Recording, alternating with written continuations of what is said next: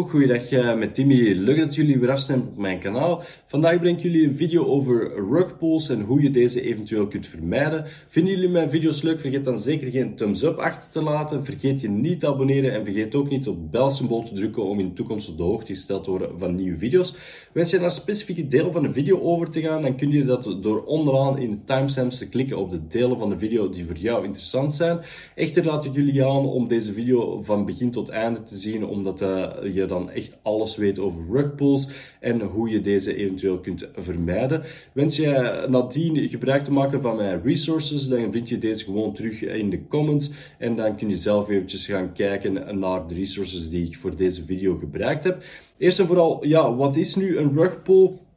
Een rugpull is eigenlijk een token dat gecreëerd wordt en waar nadien alle waarde eigenlijk uit token wordt uh, getrokken. Uh, op welke manier kan dit nu gebeuren? Dit uh, kan gebeuren door de liquiditeit weg te nemen en te stelen of door de verkooporders van de investeerders te beperken of eigenlijk door token gewoon te dumpen. Je hebt een verschil tussen een hard uh, en een soft rugpull. En wat is nu een hard rugpull? Een hard rugpull is een rugpull waarbij dat er eigenlijk specifiek in de code al voorzien wordt om uh, ja, de investeerder eigenlijk te bedriegen. En ja, dat gebeurt dan bijvoorbeeld door allerlei achterpoorten te voorzien, uh, zodanig dat de initiële ontwikkelaar met al het geld kan gaan lopen en eh, de investeerder zoveel mogelijk beperkt wordt om uh, te verkopen.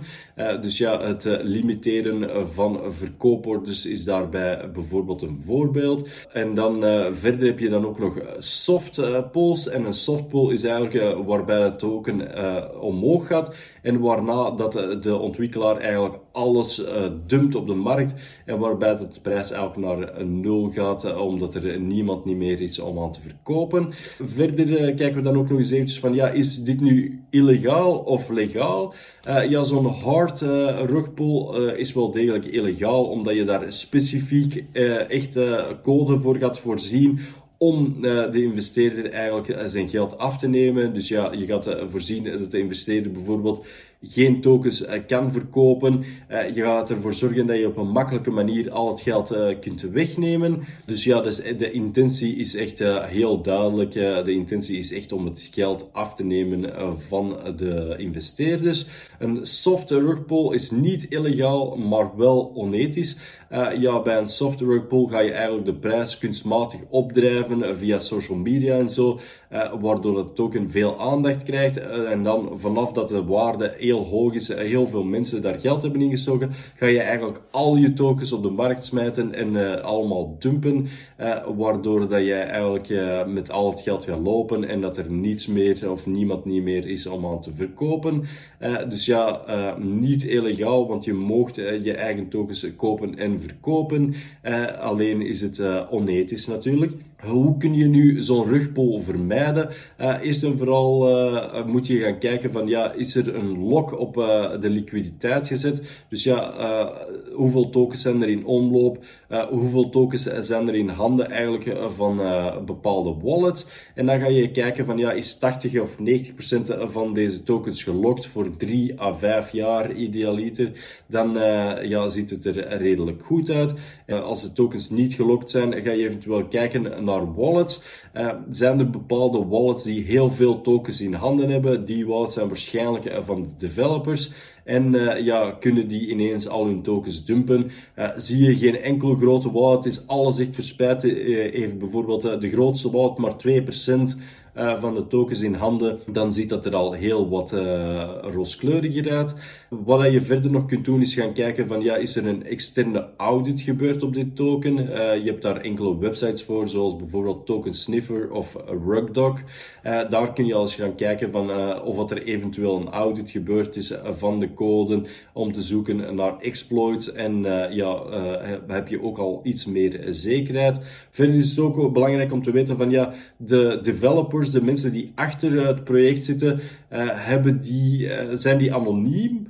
Uh, zijn die ook bekend met andere projecten?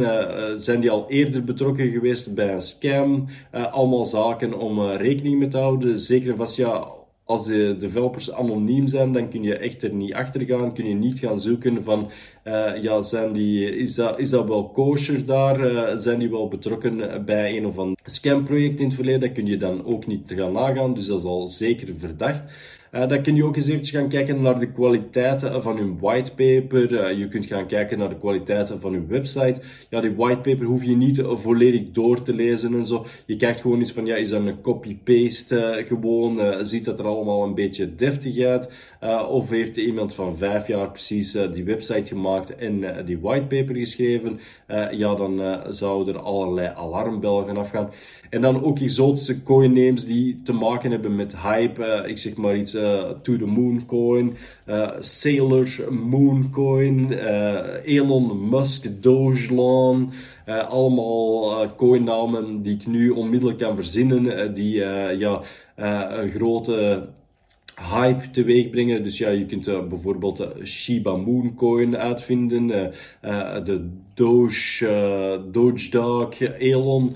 Uh, om zomaar wat namen te noemen, uh, zodanig dat je toch maar een coin hebt uh, die gewoon mensen aantrekt, omdat Dogecoin ooit is gepompt heeft, omdat Shiba Inu ooit is gepompt heeft, omdat Elon Musk bezig is met crypto, omdat Michael Saylor heel veel geïnvesteerd heeft in Bitcoin. Dat wil niet zeggen dat daar allemaal projecten zijn die valide zijn en waar dat echt development achter zit. Dat zijn meestal gewoon rug pull scams. Uh, wat kun je verder nog doen? Uh, van, ja, je kunt eens eventjes naar de social media pagina's gaan kijken van die coins. Uh, is daar veel interactie op? ja, zijn die developers constant bezig om hun roadmap uit te werken, om te praten met de community? Zie je veel interactie van de community op Discord servers en zo. Uh, is daar niets aan de hand en is dat gewoon blijkbaar een account die vlug is opgezet is met, met 10.000 volgers, waar dat dan niets van interactie op gebeurt, ja, dan is het uh, heel verdacht en uh, moet je zeker en vast afvragen waarom dat daar geen interactie achter zit met zoveel volgers. wat dan nog verdacht is, is als bijvoorbeeld de prijsactie voor een nieuw token heel volatiel is en de prijs heel hard omhoog schiet. Ja, dat is meestal het teken van een pump and dump waarna dat uh, eigenlijk de, de creators eigenlijk vlug al hun tokens eh, weg zullen verkopen om dan met al het geld te gaan lopen. Ook de belofte van uh, toornogen yield is zeker ook verdacht oh, en iets dat je rekening moet mee houden. Uh, verdere zaken waar dat je nog rekening mee kunt houden is bijvoorbeeld uh, uh, als je eens een kleine hoeveelheid van het token koopt en je kunt dat niet onmiddellijk terug verkopen, ja, dat wil meestal ook wel zeggen dat ze ergens in de code iets ingebouwd hebben dat ja, investeerders dus niet terug kunnen verkopen of heel moeilijk terug kunnen verkopen, wat dat ook zeker en vast heel verdacht is. Ja, dan hoop ik jullie eigenlijk een beetje een achtergrond te ge gegeven te hebben van rugpulls en wat deze inhouden en hoe dat je deze eventueel in de toekomst kunt vermijden. Uh, vonden jullie deze video leuk? Vergeet dan zeker geen thumbs up achterlaten. Vergeet je niet te abonneren. En vergeet ook niet op het belsymbool te drukken om in de toekomst op de hoogte gesteld te worden van nieuwe video's. En dan hoop ik jullie spoedig terug te zien in een van mijn volgende video's. Fijne dag nog. Dag.